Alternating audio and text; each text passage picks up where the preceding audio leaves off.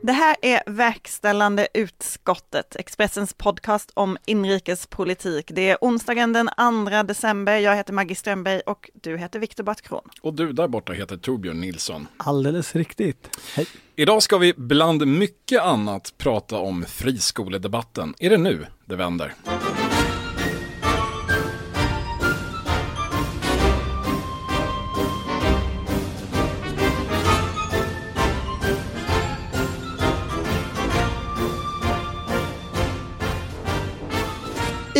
I skrev Centerpartiets Europaparlamentariker Fredrik Federley på Facebook att han tar paus från sina uppdrag. Det som har hänt är att en närstående har dömts för flera grova brott som har begåtts mellan 2013 och 2014. Det handlar bland annat om grov våldtäkt mot barn vid 22 tillfällen och grovt barnpornografibrott vid 38 tillfällen. Och igår så skrev partisekreteraren Mikael Artursson i ett sms till SVT att Fredrik Federley har känt till detta en längre tid, att detta har skadat förtroendet för honom och att tids nog får vi diskutera vad detta betyder för hans politiska framtid. Där är vi inte nu. Eh, vad betyder det här för hans politiska framtid? Den finns nog inte, kan man väl konstatera. Jag kan inte minnas något exempel där partiledning har uttryckt sig på det här sättet. Att förtroendet är skadat eh, i ett läge när eh, inte så mycket annat är känt och sen så kommer den här personen studsandes tillbaka och allt fortsätter som vanligt. Eh, saken i sig skulle man ju kunna diskutera i ett längre moralfilosofiskt seminarium men vi kan väl konstatera att det vi vet hittills tyder på att det skulle bli svårt för Fredrik Federley att verka som politiker under de omständigheterna. Han är ju inte bara Europaparlamentariker, han är också andra vice ordförande i partiet. Han sitter i verkställande utskottet. Han är själv partiledningen egentligen. Eh, Torbjörn, vad tänker du? Jag, jag tänker att eh, ja, men Fredrik Federley är en politiker som har gjort ganska många liksom, omstarter och har visat en rätt stark överlevnadsförmåga. Eh, om den överlevnadsförmågan så att säga räcker till här, det är, det är ytterst svårt att säga för det saknas ju liksom en del fakta. Det saknas hans version och sådär. Eh, men det är ju onekligen intressant att partiet går ut i det här skedet och så pass kraftfullt. Eh, Tar men, avstånd från honom? Egentligen. Ja, det får man väl säga. Men, men till historien tycker jag också hör, och det är väl där det blir lite frågan hur, hur Centerpartiet ser, alltså Fredrik Fedley har ju, kom ju fram som en liksom uppstudsig ungdomsförbundspolitiker, upprorisk, nytänkande, störig, jobbig eh, för en partiledning. Han har ju vuxit till att bli en välkammad eh, rörelsemänniska som eh, med god förankring i liksom hela Centerpartiet, inte bara i den där Stureplansklicken som liksom blev den medialt kända från början. Så han är ju en tung politiker med kraftiga liksom förankringar i partiet. Det tänker jag inte är en oviktig grej, både i, i frågan om eh, liksom, går det att uppmana något slags stöd i partiet? Och vad är det man förlorar om hans karriär är alldeles över. Politiskt. Han är ju också en person som har eh, stått partiledaren väldigt nära. Kanske är det ett skäl till att partiet känner ett behov av att så tydligt markera. De växte ju upp tillsammans i det här ungdomsförbundet. Mm. Eh, och eh, han har ju varit eh, viktig även i verkställande utskottet. Inte detta verkställande utskottet utan Centerpartiets verkställande, verkställande utskott. Men eh, jag tänker att den, det som också kan eh, bli en konsekvens om Fredrik Federley då inte kan komma tillbaka, det är att det kommer bli svårare för de som vill att den gamla alliansen ska återupprättas, att Centerpartiet och Moderaterna ska närma sig varandra igen. Där har ju han eh, varit viktig de senaste åren. Han var ju den som hårdast drev den linjen under regeringsbildningen, alltså rösta på Kristersson eller släpp fram Kristersson-linjen eh, och har ju också under tiden förstår man jobbat en hel del med kontakterna med, med den borgerliga sidan och sådär. Så är det ju. Samtidigt som han som en god centerpartist inte var mindre böjlig än att han kunde utkämpa EU-valrörelsen primärt i konflikt med den ondskefulla högern i Kristdemokraterna. Jag tror till och med att han dagen efter eh, att Annie Lööf hade sagt ja på pressträff satt i någon morgonsoffa och försvarade det här mycket kloka beslutet som han själv hade varit emot till sista stund. En sann rörelsemänniska, eh, men eh, det ska väl mycket till kanske för att han ska fortsätta i den funktionen nu. Hörni, en annan sak. Mm. Statistiska centralbyrån, känner ni till dem?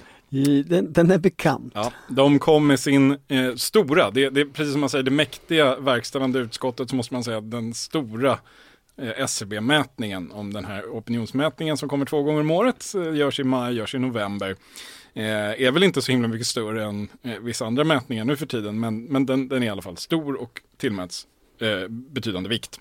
Hur som helst, eh, resultatet är inne det som har stulit flest rubriker är att Socialdemokraterna tappar. Men det, finns ju det var ju ganska väntat. Det finns hur? ju ett pedagogiskt problem med de här mätningarna i, i det att de görs två gånger om året till skillnad från alla andra mätningar som görs en gång i månaden.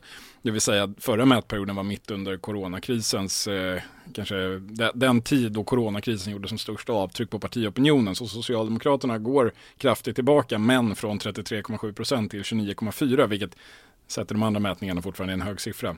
Det jag fastnade för var ju att Eh, den här eh, socialdemokratiska tillbakagången skymmer den större bilden som är att Stefan Löfven sitter ganska säkert, sett till opinionen.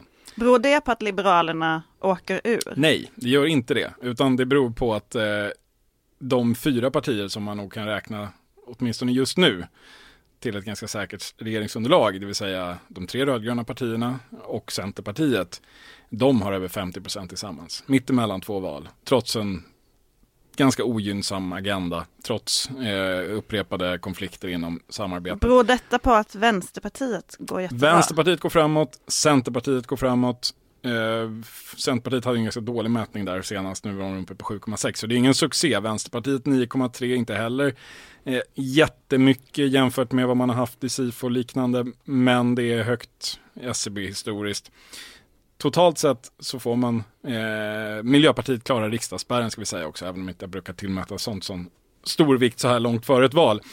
Men totalt sett får de här fyra partierna över 50 procent, så Liberalernas 3 procent är ha eller mista ur det perspektivet. Och traditionellt brukar man ju säga att regeringar hämtar in stöd närmare valet. Det är nu oppositionen ska vara som starkast och oppositionen samlar då 45 procent.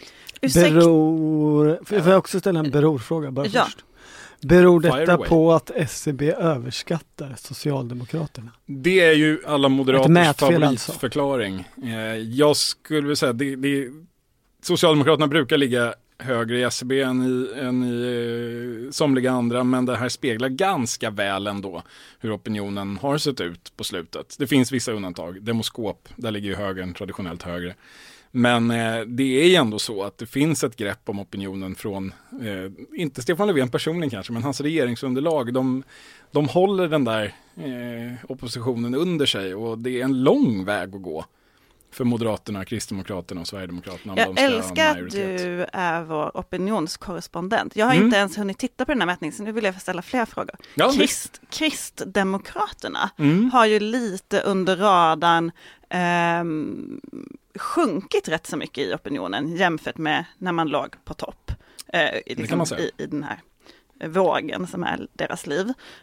Otroligt konstig metafor, ursäkta. Men kan du... Fast det är ganska sann ändå. men, men, skulle du kunna säga någonting om hur det ser ut för Kristdemokraterna? Ja, Kristdemokraterna har ju, det, precis, även i andra mätningar och så även i denna, successivt gnagt sig neråt i tabellen. Nu är de på 5,4 procent. Eh, det är ju inte jättemycket över vad, vad som brukar räknas som en krisnivå. Men det är som att den bilden, från, eh, eller den, den stämpeln är helt bortsedd från Kristdemokraterna, så någon sån diskussion har inte kommit igång. Jag tror inte kanske att det är så nödvändigt att ha den heller, eftersom de eh, har ett så Eh, de är så cementerade som Moderaternas juniorpartner att de kan räkna med att bli räddade av stödröster i allra värsta fall. Nu ser det inte ut att kunna och, och behövas, men, men det är helt klart så att luften eh, gick ur det där projektet någonstans redan förra våren när, när man var uppe och vände på, var det 13 procent och var på väg att utmana Moderaterna och var största borgerliga parti. Sen hände ju vissa saker. Det var den här abort eh, diskussionen lunch, eh, runt Lars Adaktusson och det var, eh, det var någon omröstning om migrationspolitiken där man röstade med, med vänstern snarare än högern som, som satte lite griller i huvudet på högeropinionen. Och sen eh, Sen var det ju också det faktum att Moderaterna öppnade den dörren som Kristdemokraterna var ensamma om att ha öppnat, att samtala med Sverigedemokraterna. Så den unika faktorn försvann ju också. Eh, så det här är väl kanske ett mer normalt styrkeförhållande mellan partierna, men, eh, men visst är det intressant hur, hur, det kan gå upp och ner. Att man är på väg tillbaka mot en, en diskussion om att man faktiskt ligger nära riksdagsspärren. Det är ju också intressant eftersom Ebba Buschs starka grepp om partiet har varit ganska beroende av den där höga opinionen. Och Så, frågan är vad som händer. Samtidigt är Kristdemokraterna mer än något parti eh, präglat av en tillvaro långt under riksdagsspärren. Alltså, 5,4 procent är fortfarande en succé för Kristdemokraterna, det måste man komma ihåg. Mm. Valresultatet var 6,3 väl. Eh, det var jätte, jättebra. De, de, de är, ja, det ska nog mycket till för att man ska börja ifrågasätta partiledningen baserat på opinionssiffror i ett parti som, där den förra partiledningen väl aldrig var över spärren när det inte var valdag. Så eh, det, Ebba Buschs grepp om partiet är nog ganska stabilt ändå skulle jag gissa. Friskolorna har ju plötsligt blivit det absolut hetaste sakpolitiska eh, området, det enda som liksom egentligen tar sig igen förbi coronalocket, som vi kallar det på nyhetsredaktionerna. Eh, det beror väl på ett antal olika saker. Eh, I måndags var det ju sista remissdagen på Björn Åstrands utredning om likvärdig skola. Det har fått alla tidningar att skriva jättemycket om det här. Sen finns det ju tankesmedjan Balans Eh, och deras framgångar i sociala medier bland annat och sen så det motstånd som börjat bygga upp, byggas upp mot den här tankesmedjan. Eh, och sen har Engelska skolan nyligen klivit av börsen. Det händer massa olika saker som får upp det här på agendan. Ja, men det är ju en helt ny skoldebatt som delvis består av liksom nytt mod från, från vänsterhåll, men som ju också består av en ganska stor omprövning bland liksom liberala debattörer. Så därför tänkte jag göra en liten genomgång här, eh, en rapport från ledarsidorna i Sverige kring skolan just nu och kring den här Åstrandutredningen. Och Åstrandutredningens liksom två tyngsta förslag är ju dels att, att eh, slopa dagens kösystem eh, och dels att differentiera skolpengen, alltså att eh, friskolor ska få en, ska åter ska få en lägre skolpeng än vad kommunala skolor har.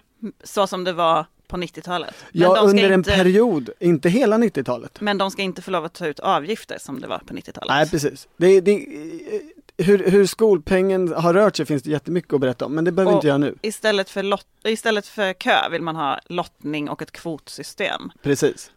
Ja. ja. Vad är då svaren från eh, högern, den som har traditionellt varit eh, friskolevänlig, näringslivsvänlig och så vidare? Då finns lite olika linjer. Den tydligaste första linjen är DDR-linjen.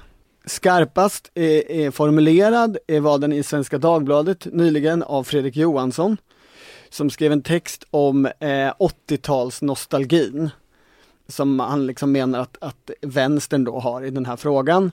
Och i princip så är den hållningen där från den sortens höger är ju om vi rör oss en millimeter i den här frågan återinträder DDR-Sverige och allt, alla jävligheter som vi då upplevde. Och nu måste vi nu måste vi lära barnen och ungdomarna hur hemskt det var på den tiden. De vet ju inte det, de minns inte det. Det vill säga då alltså när man inte fick välja skola, när, ja, var, när det inte fanns alternativ, när du var tvungen att be om lov för att få byta skola när du var mobbad. Exakt. Och mot detta tydligt så finns det då en, den tydliga nya liberalerna-linjen. Alltså de är inte nyliberaler på det sättet vi känner, möjligen är de nyliberaler på det sättet som man var på 1880-talet när nyliberalbegreppet föddes i Sverige. Men det här, här känner jag får bli ett separat avsnitt. Eh, vi, vi behöver inte fördjupa det. Här finns ju Dagens Nyheters ledarsida. Som ju har svängt. Som har svängt och omfamnar båda de här skarpare förslagen, eh, eller tyngre förslagen i Åstrandutredningen. Expressens ledarsida, alltså den här tidningens liberala ledarsida. Som länge har varit kritisk mot friskolesystemet. Ja, de, de är så pass skarpa så de liksom är så här, få torde vara nöjda med utfallet av friskolereformen. Friskolereformen är ju ädelstenen i reformmakaren Bildts liksom bygge. Detta säger alltså nu för tiden Expressen om, det, om den ädelstenen. Sydsvenskan och Göteborgs-Posten lite oklara. Eh, det enda jag hittade i Göteborgs-Posten, jag kan ha missat där så då får ni skälla ut mig sen, men det var att Peter Hjörne, storchefen själv, har varit inne och sagt att Liberalerna måste återta skolfrågan, punkt. Men han vill inte på något vis gå in i då den här mycket aktuella skoldebatten och vad man borde ha för position i det och sådär. Men det där är i alla fall eh, en linje av nya liberaler. Sen finns det ju en skiktning som kanske är den mest intressanta, som liksom är generationsskiktning. Alltså för i Svenska Dagbladet, det är ju en, det är en brokig ledarsida där mycket, det, det är en bred kyrka, många får vara med. Eh, så skrev senare Henrik Sundbom, jag vet inte hur gammal han är, men han ser yngre ut än Fredrik Johansson på byline-bilden. Eh, han skrev en lång rad förslag eh, om vad man borde göra åt skolan. Ganska många var inte liksom, har Åstrand och andra inte berört så att säga. Men han sa också att man borde ha någon form av liksom kvotsystem, alltså behålla kö men också ha någon form av kvotsystem och han sa att man borde liksom se till att höja skolpengen i särskilt utsatta områden, alltså göra någon förändring av skolpengsfinansieringen på något sätt. Och så gör man ju i, i flera kommuner har ju ett sådant system redan idag. Ja, och, och eh, här, här finns ju liksom en, en skiktning generationsmässigt där eh, Fredrik Johansson som är skapad, nej det är han inte, förlåt, men formad av DDR-Sverige på ett sätt som kanske inte Henrik Sundbom är, har andra erfarenheter, snarare har liksom vuxit upp i det system som, som Bildregeringen skapade med hjälp av socialdemokrater sen på 90-talet. Och det där ser man ju också på typ Benjamin Dosa, Absolut. förra MUF-ordföranden som ju också argumenterade på ett sånt sätt som var mer kanske rädd för problemen som fanns i friskolesystemet än det gamla Sverige då man inte fick välja, då inte han typ ja. var född. Så det där är en tredje gruppering i, i ledarsidesrapporten. En fjärde är konservativa som tycker att business måste faktiskt hållas tillbaka. Tydligast företrädd i Barometerns ledarsida i en text av Martin Tunström. Eh, liksom socialkonservativ högerns eh, eh, röst i landet. Eh, med rubriken Elevernas bästa är viktigare än skolkoncernerna. Den handlar mest om den här offentlighetsprincipsdebatten som också har pågått och blivit beslut i riksdagen. Eh, eh, senaste veckan. Eh, där liksom de fem högerpartierna, om ni tillåter det uttrycket, eh, sa nej till att införa offentlighetsprincip. Eh, så det är han supersur över, men han är också sur över eh, liksom det borgerliga ointresset för att hantera allvarliga problem och eh, ger liksom positiva ordalag till Åstrandutredningen. Så det, det är den fjärde. Och sen kommer den femte borgerliga ledarsideslinjen här. Ni Sverige hör ju att det här, det här är ju split, splittringens mecka, det är underbart. Invandringen, eller rättare sagt den nya Sverigelinjen. Den som PM Nilsson i Dagens Industri lanserade eh, häromveckan. Som så att säga utgår från den verklighet som är, eh, det här eh, tycker han, med vi har tagit emot många eh, invandrare i Sverige, många flyktingar eller invandrare. Eh, många av dem har större svårigheter, eleverna. Det är, eh, liksom kräver mer resurser och insatser. Ska då de duktiga eleverna, som, många, som i många fall går i friskolor, behöva blandas upp med de här svårare eleverna och vara någon slags kuddflickor emellan de svårare eleverna. Ni känner till begreppet kuddflickor? Birgitta ja. Olssons begrepp, ja. Är det Birgitta Olsson som har myntat det? Det tror jag. Populariserat i alla fall. Ja, okej. Okay. Ja, det är väl, det Känner till, har varit en. Ja. Ja, ja, ja. Har du? Absolut. Ja, okej. Okay. Var det jobbigt? Um, jag, jag, jag, tänker vi går inte in mer på detaljerna här. Men PM Nilsson menar att det skulle vara oerhört jobbigt och dåligt för Sverige. Och det är ju så att säga en han, han landar ju lite i en, en, det, är en, det är en boll väldigt lätt för Sverigedemokraterna att plocka tänker jag så här. Det är invandringens fel att vi har en, en skola som är så här. Och det, vi kan inte göra så mycket åt den eftersom vi har haft en oansvarig invandring. Vi kan i alla fall inte göra någonting åt den på det sättet som Åstrand föreslår. Det PM Nilsson säger är ju, ska eh, duktiga elever straffas på något sätt i likvärdighetens namn. Eh, den lik, idén om den likvärdiga skolan är ju att eh, alla elever gynnas av blandade klasser Absolut. där de duktiga drar de som är sämre. Mm. Eh, de som inte tycker att det är en bra idé tycker att de duktiga också hämmas av det här.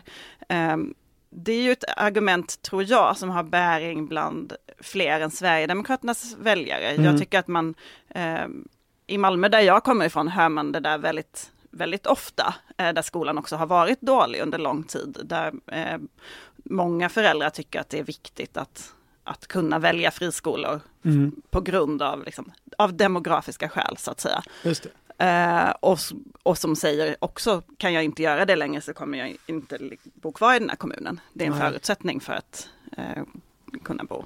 Nej, men... Så att jag tror att det där, jag tror att det är ett eh, argument med mycket större bäring än kanske det här liksom 80-talsargumentet. Just det, det är fullt möjligt. Det jag tänker, slutsatsen av min ledarsides, långa ledarsidesrapport den är skoldebatten har ju vänt till liksom reformivrarnas fördel. Eh, och delar av eh, liksom debattörhögen har vänt. Men här finns ju jättemånga kvarvarande motståndslinjer bland debattörerna och bland partierna så är det ju ganska liksom fastlåst. Så även om debatten har vänt så behöver ju inte det innebära att liksom någonting i den politiska realiteten har hänt. Nej, alltså en sak, det här är ju två diskussioner i en. Både i, liksom, på ledarsidorna, i politiken och även i den här podden nu. Alltså, marknadsskolan, det här man pratar om, det, det, skulle man ju kunna frikoppla, eller man kanske borde göra det. Ja, alltså, det är två olika opinioner dessutom. Alltså, Frågan, ska vi ha aktiebolag som gör vinst i skolan? Då svarar ju de flesta i Sverige nej och har alltid gjort. Eh, det är en genuint så här, impopulär tanke, även om praktiken är, kanske mer populär. Eh, men det här med likvärdig skola är betydligt mycket mer komplext än så. Det framgår ju av utredningen också och det tycker jag framgår varje gång Anna Ekström pratar om saken, eller den som vill driva på för det hur svårt det är faktiskt att, att komma åt det här, både praktiskt och politiskt. Eh, att, det, att segregationen och demografin spelar roll, det framgår ju även i utredningen. Alltså att det, och det är ju ett grundproblem här, att här, ja, men, ta bort skolvalet. För det är någonstans det är ju hela tiden dit det drar. Ska du åstadkomma Det finns likvärdiga... dåliga kommunala skolor också. Ja, men ska du åstadkomma den här helt likvärdiga skolan, då kommer du behöva vara väldigt, väldigt dirigistisk. Du kommer vara väldigt ingripande därför att bottenplattan är, man diskuterar ju, har friskolor bidragit eller, eller eh, motverkat segregation? Det, det, finns olika uppfattningar, de flesta är väl nu inne på att den har bidragit, men det är ju på marginalen för den stora segregationen som utredningen också konstaterar är ju den geografiska bostadssegregationen. Okej, okay, om du inte, antingen ska du börja med att bryta den då, och då kan du tillämpa en närhetsprincip och få mer likvärdiga skolor. Eller så är det ju väldigt ingripande åtgärder som skulle behöva till om du på allvar ska komma åt och åstadkomma en likvärdighet där elever med, med liksom, förutsättningar olika skolor ser likadana ut. Det är ju inte, inte en buss, det är väldigt många bussar som mm, behöver mm, gå mm. åt många olika håll. Eh, och det är ju någonstans, det ligger ju hela tiden under den här diskussionen och, och gör den lite konstig. För det, det, det, är som att det är det man vill komma åt, men åtgärderna, ja, de, de krafsar lite i marginalen, men man vågar eller kan inte gå hela vägen in i den. Det, det, så, så... det är väl framförallt att man inte kan. Man kan ju knappt gå in liksom och lyckas med det här, med Åstrand-förslagen. Det, det, är ju en, en brant som, uppförsbacke parlamentariskt. Ja men och det är ju inga små förslag egentligen. Alltså det är ju ändå förslag som verkligen skulle förändra förutsättningarna. Eh, ja, för... ja det menar ju många. Det, det är ju liksom lite stridigt. Eh, men ska man, ska man, ska man liksom använda så att säga friskoleföretagarnas syn på detta, vad, vad, vad konsekvenserna av de här förslagen skulle bli och acceptera den för sann så kan man ju säga att då är ju det här ett riktigt smart och skarpt strategiskt sätt från den socialdemokratiskt ledda regeringen att uppnå någonting om man kommer liksom i, i hand med det här. Att det är smalt eh, eh, och tydligt liksom reformförslagen till skillnad från liksom Repalutredningen som var som var just det här stora, vi, ska, vi ska ta alltihopa i en sväng. Eh, här är det, ja, eh, ni får, eh, valfrihet får finnas, ja, ni får göra vinst, men om vi sänker er skolpengsersättning så torde ju också eh, vinstmarginalerna, de som nu existerar, också omstridiga i storlek, eh, minska. Då, då, då minskar ju vinsten. Alltså tar vi, om man då tycker att om, man, om ens utgångsläge från vänster är att vinst i välfärd är dumt, så har man ju åstadkommit ganska mycket. Eh, eh, om man, om man klarar den här Åstrandutredningen. Men inget tyder väl idag på att man kommer göra det? Inte de mest, eh, de, de förslag vi har pratat om här som är de kanske mest uppmärksammade kontroversiella förslagen, de kommer ju inte gå igenom som det ser ut. Däremot kommer kösystemet troligtvis att ändras. I någon form, så, så ser det ut idag. Ja. Men, men då är också frågan, Alltså det som har hänt vid alla de här tillfällena de senaste 15 åren när det här, när liksom välfärdssektorns system organiseras.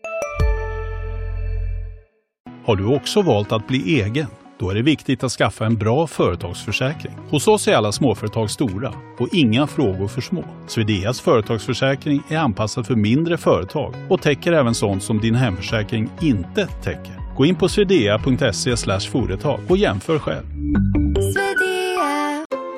Just nu pågår vår stora season sale med fantastiska priser på möbler och inredning. Passa på att fynda till hemmets alla rum, inne som ute, senast den 6 maj. Gör dig redo för sommar. Välkommen till Mio. har varit uppe på tal är ju att alla politiska partier i olika vänder har gått kritiker till mötes liksom efter JB Education med den, under liksom andra, den andra alliansregeringen så var både Anders Borg och Jan Björklund ute och När sa de gick i konkurs? Ja, det här, det här, så här kan vi inte ha det, det här måste regleras, vi måste se till att vi har ägare som är långsiktigt seriösa, de tillsatte en utredning och sen så liksom glömdes det bort. Eller bara försvann, jag vet inte riktigt. Intressant att borra i. Eh, och likadant har det varit med Socialdemokraterna så att säga, de vann valet. Alltså Stefan Löfven blev statsminister på skolfrågan, på välfärdsfrågan. Det var den viktigaste frågan för väljarna och hans viktigaste budskap var någonting har gått sönder i Sverige. Och det var ju välfärden. Det var ju Carema som var någonting som hade gått sönder. Det var ju det de jobbade med. Och sen, det där kan man i och för sig diskutera om man ser till hur valresultatet det fanns, andra, det fanns andra orsaker till framgången, men det var det de jobbade Framgången med. Framgången bestod i att de inte tappade väljare från katastrofvalet 2010. Absolut. Det var ju Sverigedemokraterna som åt upp Alliansens stöd. Och det jo, jo, men det, det, här var ja. deras case som de gick till val med. Ja, och sen kommer liksom Repalu och sen funkar inte det, så då lägger de det i papperskorgen och använder det inte. Frågan den här gången är ju dels, blir någonting verklighet? Men den andra frågan är ju, klarar och vågar några partier, såväl till vänster som till höger, att bilda opinion kring den här frågan? Det är ju, det, om man tittar på, på liksom, vad är skolförtroendet för de olika partierna? Inget svenskt parti har högt förtroende i skolfrågan. Socialdemokraterna har högst typ 20 procent eller något sådär tror jag det ligger på. För mig så, jag vet inte om jag är för marknadsekonomiskt tänkande här, men det innebär ju att det finns en, en affärspotential. Men här... Skolfrågan ligger öppen att ta. Jo liksom. men det här är ju någonstans det konstiga med politik. Att för, vad är, när, när var det alla partier skulle ta skolan? Är det sex år sedan? Ja, typ. Eh, när alla hade, liksom Kristdemokraterna hade en ny skolstrategi, alla, alla skulle dit, alla hade identifierat att det här var väljarnas viktigaste fråga. Eh, Miljöpartiet slogs för att få utbildningsministerposten, vilket de nu fullständigt har övergivit eftersom det inte alls gick bra. Ja. Och idag finns det inget parti som slåss, för nu ska alla slåss på det område som är hett just nu. Ja, och, och, skolan har ju sjunkit i betydelse för väljarna, vilket inte är oviktigt. Men det intressanta är, den ligger väl liksom fyra, femma, trea, fyra, femma och skvalpar lite. Men här är ju de politiska partierna så extremt kortsiktiga. Alltså den storleken på vinsten av att äga skolfrågan har minskat. Därmed tycker man den är helt ointressant. Men här finns ju, jag menar, när man lyssnar på Anna Ekström så tänker jag så här, hon sitter ju, hon sitter ju och, och liksom skriver på den skarpaste delen i ett potentiellt socialdemokratiskt valmanifest. Hon ska ut de här fem partierna nu till höger och så ska de sänka de, de här sakerna som rätt många i den nya debatten uppfattar som fullt rimliga eller nödvändiga eller bra på något sätt. Och sen så ska det liksom bli en valrörelse av det. Men det har ju varken Socialdemokraterna vågat göra med sitt liksom gamla Reepalu-material och borgerligheten har, gjorde, vågade inte göra valrörelse av det med sitt liksom material de hade från allianstiden när de själva ville liksom försvara valfriheten genom att sanera och liksom ställa krav och kvalitet och sådär. Det är ju väldigt intressant att tänka sig hur den här, den här diskussionen som nu är och som, som är stor och eh, säkert åtminstone potentiellt opinionspåverkande, hur den hade spelat ut om vi hade haft en borgerlig regering. Alltså om, om det hade blivit en Kristersson-regering uppbackad av liberala partier och Sverigedemokrater, det vill säga alla de partier som är för eh, dagens system, eller har varit det i alla fall. Och så hade Socialdemokraterna kunnat leda eh, motståndet mot den regeringens skolpolitik på eh, den nya debattens premisser. Nu blir ju den här frågan, precis som i stort sett all annan politik, väldigt tillkluddad för alla som följer svensk politik genom den konstruktion som vi har. Att Anna Ekström blir ju nu ett slags oppositionspolitiker mot riksdagsmajoriteten trots titeln som utbildningsminister. Jag tror att det där försvårar väldigt mycket att vara effektiv i sin, i sin opinionsbildning som politiker. Att det, blir, det blir en fråga om att eh, rätt eller fel, och i det här fallet kanske fel. Men reaktionen blir, men varför gör du inte något då? Ja, ja. Nej, men, och det var jätteintressant om man såg i TV4 eh, i veckan så satt ju Anna Ekström där eh, med en av de här eh, lärarna som står bakom läraruppropet. Um, och det var bara de två som var med i den här debatten och läraren sa allt är för jävligt och Anna Ekström sa ja allt är för jävligt men jag kan tyvärr inte göra någonting eftersom jag har majoriteten emot mig och vi har det här januariavtalet som jag måste värna. Eh, men det fanns ingen där som satt, liksom fick representera åsikten. Det är inte för jävligt. Eh, och ändå blir slutsatsen så här, alla, alla i den här studien är överens om att det är för jävligt men vi kommer inte göra någonting för så ser politik ut, vi kan inte göra någonting som politiker. Det kanske ändå leder till något lite långsiktigare problem opinionsmässigt i synen på politikens möjligheter. Ja, det är nog mycket möjligt så. Det är, det är, något, det är någon form av, åtminstone historisk eh, ovanlighet att vi har en regering som är i opposition mot betydande delar av sin faktiska politik. Det är intressant uh, att se hur väljarna uppfattar det på sikt, men uh, jag tror att det försvårar möjligheten att bilda opinion i den här frågan, definitivt så. Eh, men eh, ja, det hade varit spännande med, med, den omvända ordningen helt klart. Men eh, ni tror alltså inte att något parti kommer att svänga på riktigt i det här? Inte Liberalerna heller, som um... skulle kunna vara ehm. på jakt efter lite vad fan som helst som skulle kunna förändra folks bild eller åtminstone ge folk en bild av dem.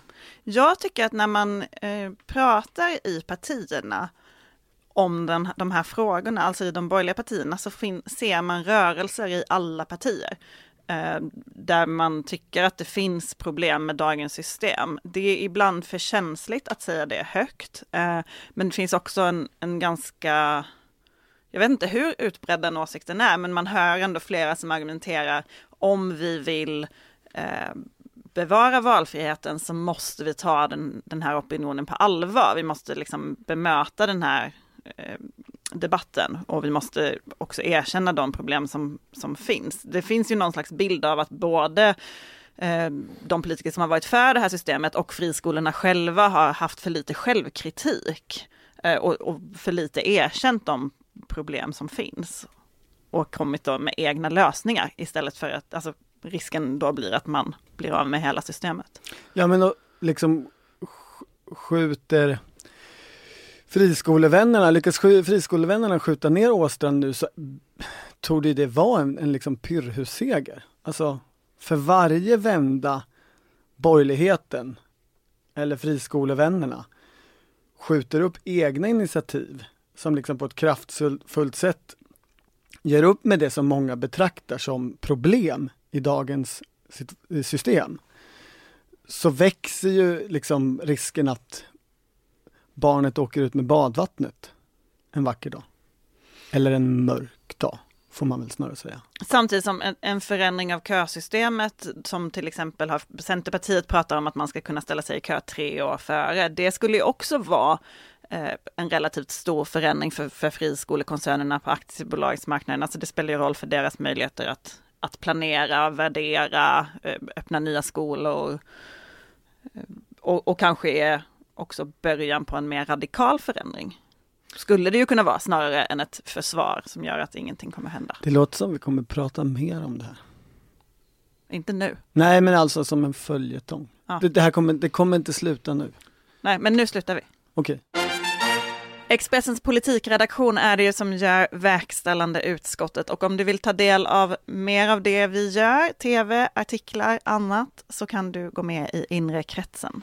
Det borde du göra. Det är alltså vårt specialerbjudande på Expressen Premium som ger dig tillgång till allt Expressen gör, inte bara det vi gör, även om det kanske är det som intresserar dig i första hand. 29 kronor i månaden i sex månader, det är oerhört lite pengar. Sen blir det 69 kronor i månaden, det är ganska lite pengar, väldigt lite jämfört med många andra tidningar. Då får du allt vi gör, eh, hur långt tillbaka som helst, varje dag nu och framöver. Expressen.se Expressen politik, där hittar du erbjudandet. Gå in och ta det om du inte redan har gjort det. Verkställande utskottets sammanträde har nått den obligatoriska punkten övriga frågor, där vi idag har temat Vi sa ju det. Och eh, vi börjar med dig Maggie. Du är ju Sveriges ledande expert på Miljöpartiet som vi brukar konstatera och eh, i den rollen så kunde du naturligtvis förutsäga för verkställande utskottets lyssnare för länge sedan att valberedningens förslag till nytt språkrör skulle bli, vilket det blev, Märta Stenevi. Hur känns det? Eh, jo, men det känns bra. Möjligen lite historierevisionism här, men Nej. jag nämnde ju henne redan dag ett som en väldigt trolig eh, kandidat. Jag hörde dig säga att det nog skulle bli Märta Stenevi, så jag har sagt till Ja. alla som har frågat mig att eh, min kollega Maggie säger att det blir Märta Stenevi, så jag håller med henne. Så jag har fått rätt tack vare dig, så ändra det inte nu. Ja, trots min eh, då ödmjukhet så har jag fått hybris av detta och skulle därför vilja spekulera lite vidare kring vad som kommer hända nu. Jättegärna. Eh, det är ju extra kongress i januari. Eh, det kvarstår ju fem personer till det här eh, språkrörsvalet. Det är Annika Hirvonen, Rebecka Lemoine, Elin Söderström och Pernilla Stålhammar. Eh, man kan ju då konstatera att de tyngsta utmanarna mot Märta Stenevi har hoppat av och också ställt sig bakom henne. Nämligen Åsa Lindhagen och Carolina Skog, Och ehm, ehm, Janine Alm Eriksson. naturligtvis. Ehm, men det kommer bli omröstning på kongressen. Jag tror att Märta Stenevi kommer ta hem det där ganska solklart. Jag tror också de jag har hunnit prata med i partiet. Ehm, men att eh, till exempel Rebecca Lemoine och Annika Hirvonen säkert kan få en hel del röster. Men sen ska det ju bli regeringsombildning för ehm, Isabella Lövin ska ju sluta som minister också. Och det blir spännande, tänker jag. Och då, jag tror att det kommer bli så här. Per Bolund kommer eh, bli miljöminister. Han kommer byta. Han vill inte vara, tror jag, på Finansdepartementet längre med de här konstiga frågorna som Vad är menar hans. du? Vill han inte skälla på Swedbank? Jag tror att han är ju biolog i grunden. I Miljöpartiet anses det liksom oerhört viktigt att de som driver miljöfrågorna har genuin kompetens kring det. Eh, Det har ju inte Märta Stenevi, hon har ju ingen, ingen sån bakgrund. Eh, Så jag tror att, att Per Bolund blir miljö och klimatminister. Eh, En annan person som jag tycker är intressant att fundera kring är Peter Eriksson, som ju idag är- biståndsminister. Han stod ju Isabella Lövin väldigt nära. Han anses ju ha plockats in i regeringen av Isabella Lövin. Han är liksom hennes kandidat. Kommer han sitta kvar eller kommer han åka ut i den här regeringsombildningen när det är då de nya språkrören som väljer? Jag tror kanske att han åker ut. Eh, Jag tror att Märta Stenevi kommer ta en ministerpost. Hon har ju ingen riksdagsplats. Hon skulle få en lite konstig eh, liksom riksförankring utan någon position alls. Det har ju varit en diskussion i partiet om ett språkrör ska stå utanför. Eh, svårt att gissa vad hon får för portfölj dock. Kan hon Eh, ta den lite- rakt av kanske? Eh, men kanske att hon är på finansen. De kommer ju säkert vilja ha Eller, någon på jag tänkte på finansdepartementet. bistånds... Jaha, eh, bistånd. Men det s- kanske är en jobbig roll att ha som språkrör. Ja, Isabella Lövin hade ju den ett tag som språkrör. Det är ju komplicerat eftersom man då är utomlands så mycket. Man behöver ju kunna resa i, i Sverige. Kanske lyfter de då upp någon ny person. Alltså om Peter Eriksson åker kommer de ju plocka in någon ny. Och då kan man ju fundera på om det blir någon av dem som har kandiderat nu. Om Carolina Skog blir minister igen, om, om det blir Janine Alm Eriksson. Åsa Lindhagen är ju redan minister. Mm, men du, eh, jag tänkte på, tror du som miljöpartiexpert och allvetande profet, eh, att vi kommer att se någon form av politisk förändring i samband med det här språkrörsvalet. Jag fick inte det intrycket när jag hörde Märta Stenevi presentera sig själv som, som valberedningens förslag, tvärtom. Hon framträdde på temat att eh, eh vår politik är redan fantastisk på eh, de områden vi prioriterar, det vill säga miljö och det de kallar för social rättvisa. Och nu eh, så skulle hon bidra med att nå ut med den. Nej, ja, men precis, jag tror att det är en korrekt analys. Hon är ju um hon har ju stått för, vad ska man säga, en lite tuffare linje mot S. Alltså att hon eh, vill att partiet ska stå på sig mer och drev ju det väldigt mycket i den där migrationskonflikten som var före sommaren.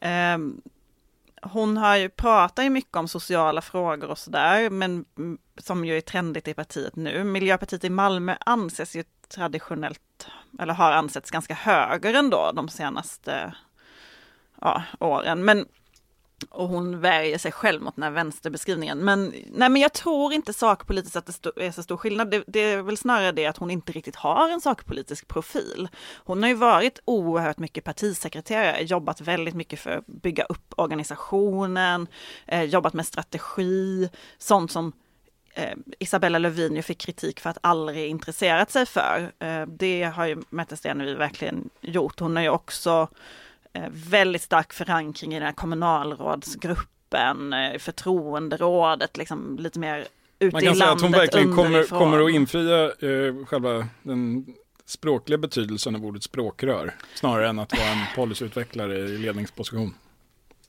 Möjligen, samtidigt är hon ju tydligt en person med, med liksom stort eget driv. Och jag skrev ju till exempel en artikel eh, inför då den här debatten de hade, eller utfrågningen de hade av alla kandidaterna, där jag hade pratat med en del personer i eh, toppen och i regeringskansliet som tyckte att Märta Stenevi lite för mycket kör sitt eget race och inte riktigt lyssnar på språkrör och partistyrelse utan liksom är mer intresserad av vad som partiet ute i landet tycker och lyssnar på förtroenderådet och sådär.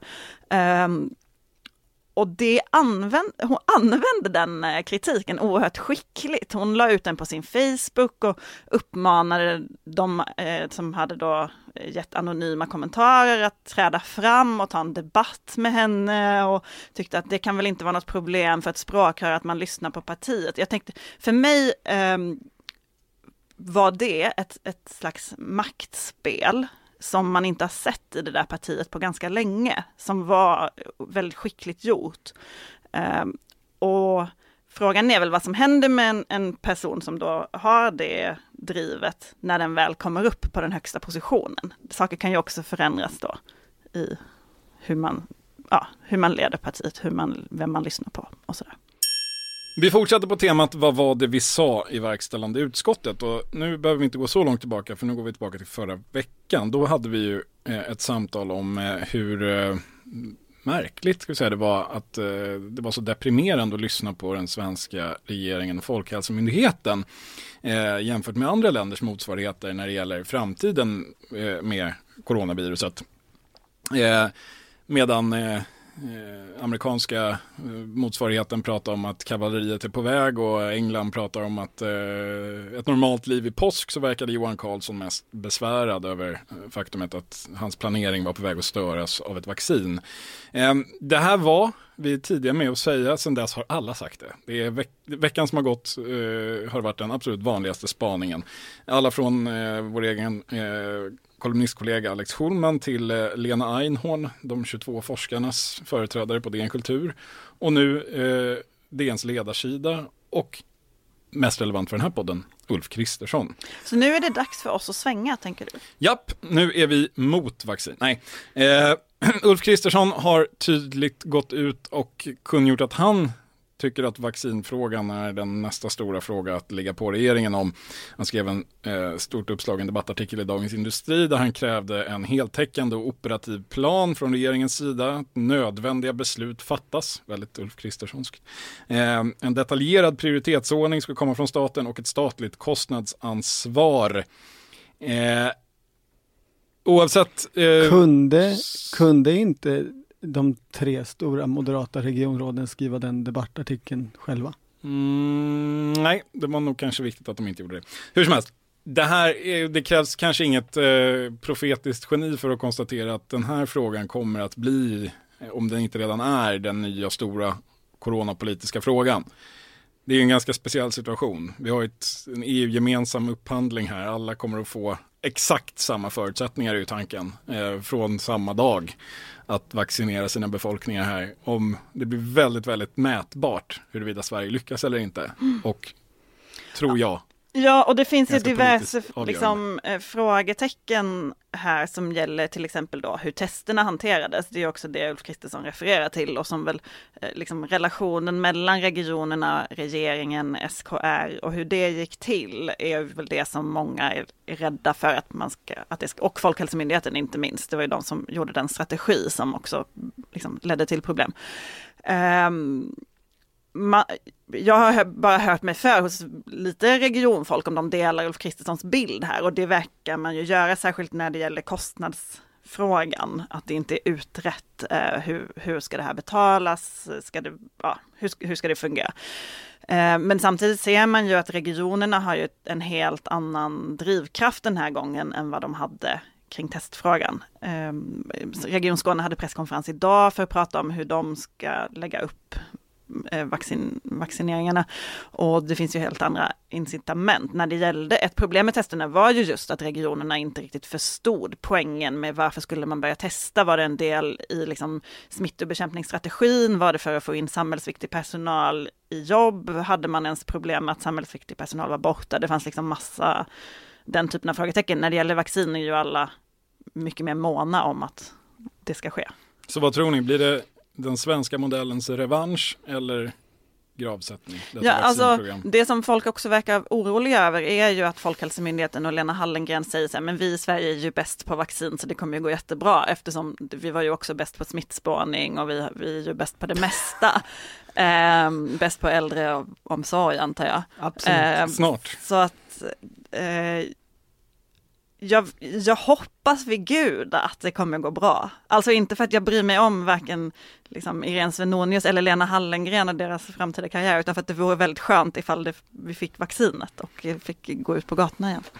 Närmast ett politiskt uttalande i dessa tider, men okej. Vi avslutar dagens sammanträde med den, eh, ja nu för tiden helt obligatoriska punkten Nytt från Torbjörn Nilssons bibliotek. Den här gången har du faktiskt tagit med dig något från biblioteket ser jag Torbjörn. Det ser ut som en mycket, mycket gammal skrift. Ja, det är ju så här att i, imorgon så firar Centerpartiet att de fyller 110 år. Eller det kommer i alla fall ut en ny jubileumsbok från partiet. Och på grund av dåligt fotarbete från min sida så har jag inte kommit över den här. Jag har fått den, men det har jag glömt säga till dig. Ja, okej. I vilket fall så ledde det mig till att eh, gå till biblioteket då och ta fram andra jubileumsböcker. Egentligen hade jag velat ta eh, fram en, en, en, ett Dieter Strand-reportage från 1984-85 eh, som han skrev i, i SAS-tidningen Upp och ner. Mm. Eh, för det är den absolut bästa skildringen av ett Centerpartijubileum. Det börjar eh, så här. Fritt ur minnet då, för jag hittade ju inte den boken.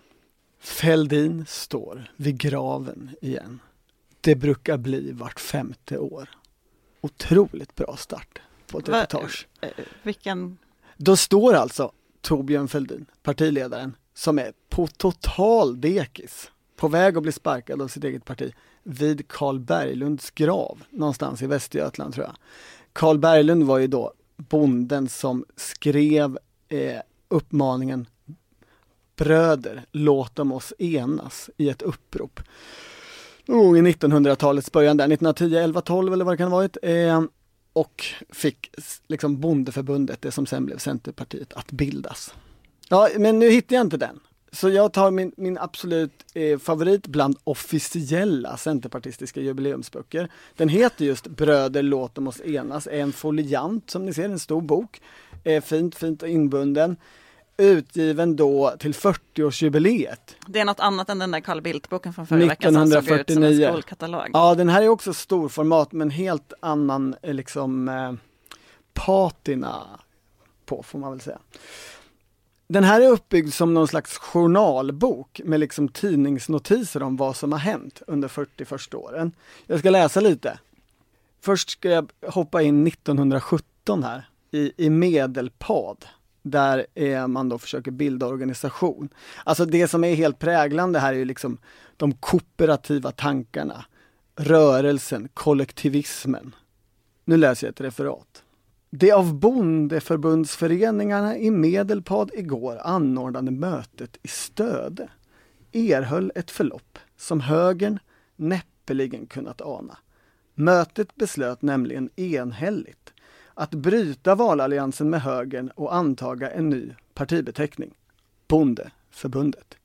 Januariavtalet är inga nyheter. Det hände redan 1917 i Medelpad. Så, så ni vet det. Mm, mm. Mm, jag, ska se, jag ska hitta ett till ställe här som vi kan höra. Stripa, otroligt spännande ur centerpartistisk eh, hållning, särskilt idag, men det hoppar vi över. Här kommer en rubrik från 1932. Den lyder så här. Bondeförbundet fordrar planmässig omläggning av handelspolitiken. Omfattande stödprogram för jordbruket, hjälp åt den animaliska produktionen, reglering av virkesimporten.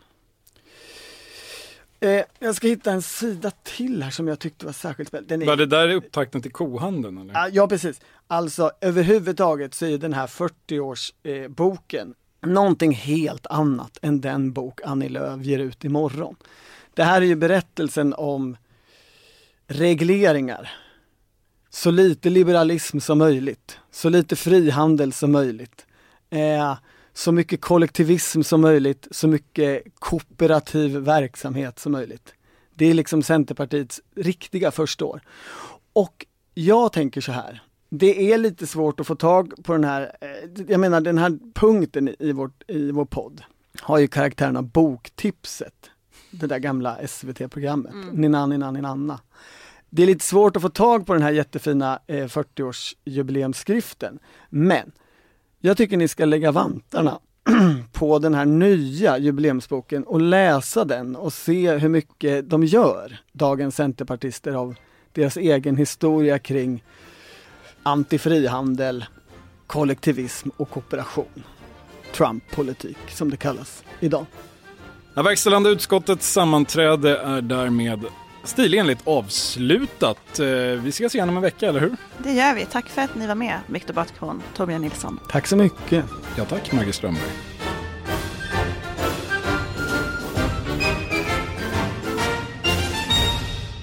Du har lyssnat på en podcast från Expressen. Ansvarig utgivare är Klas Granström.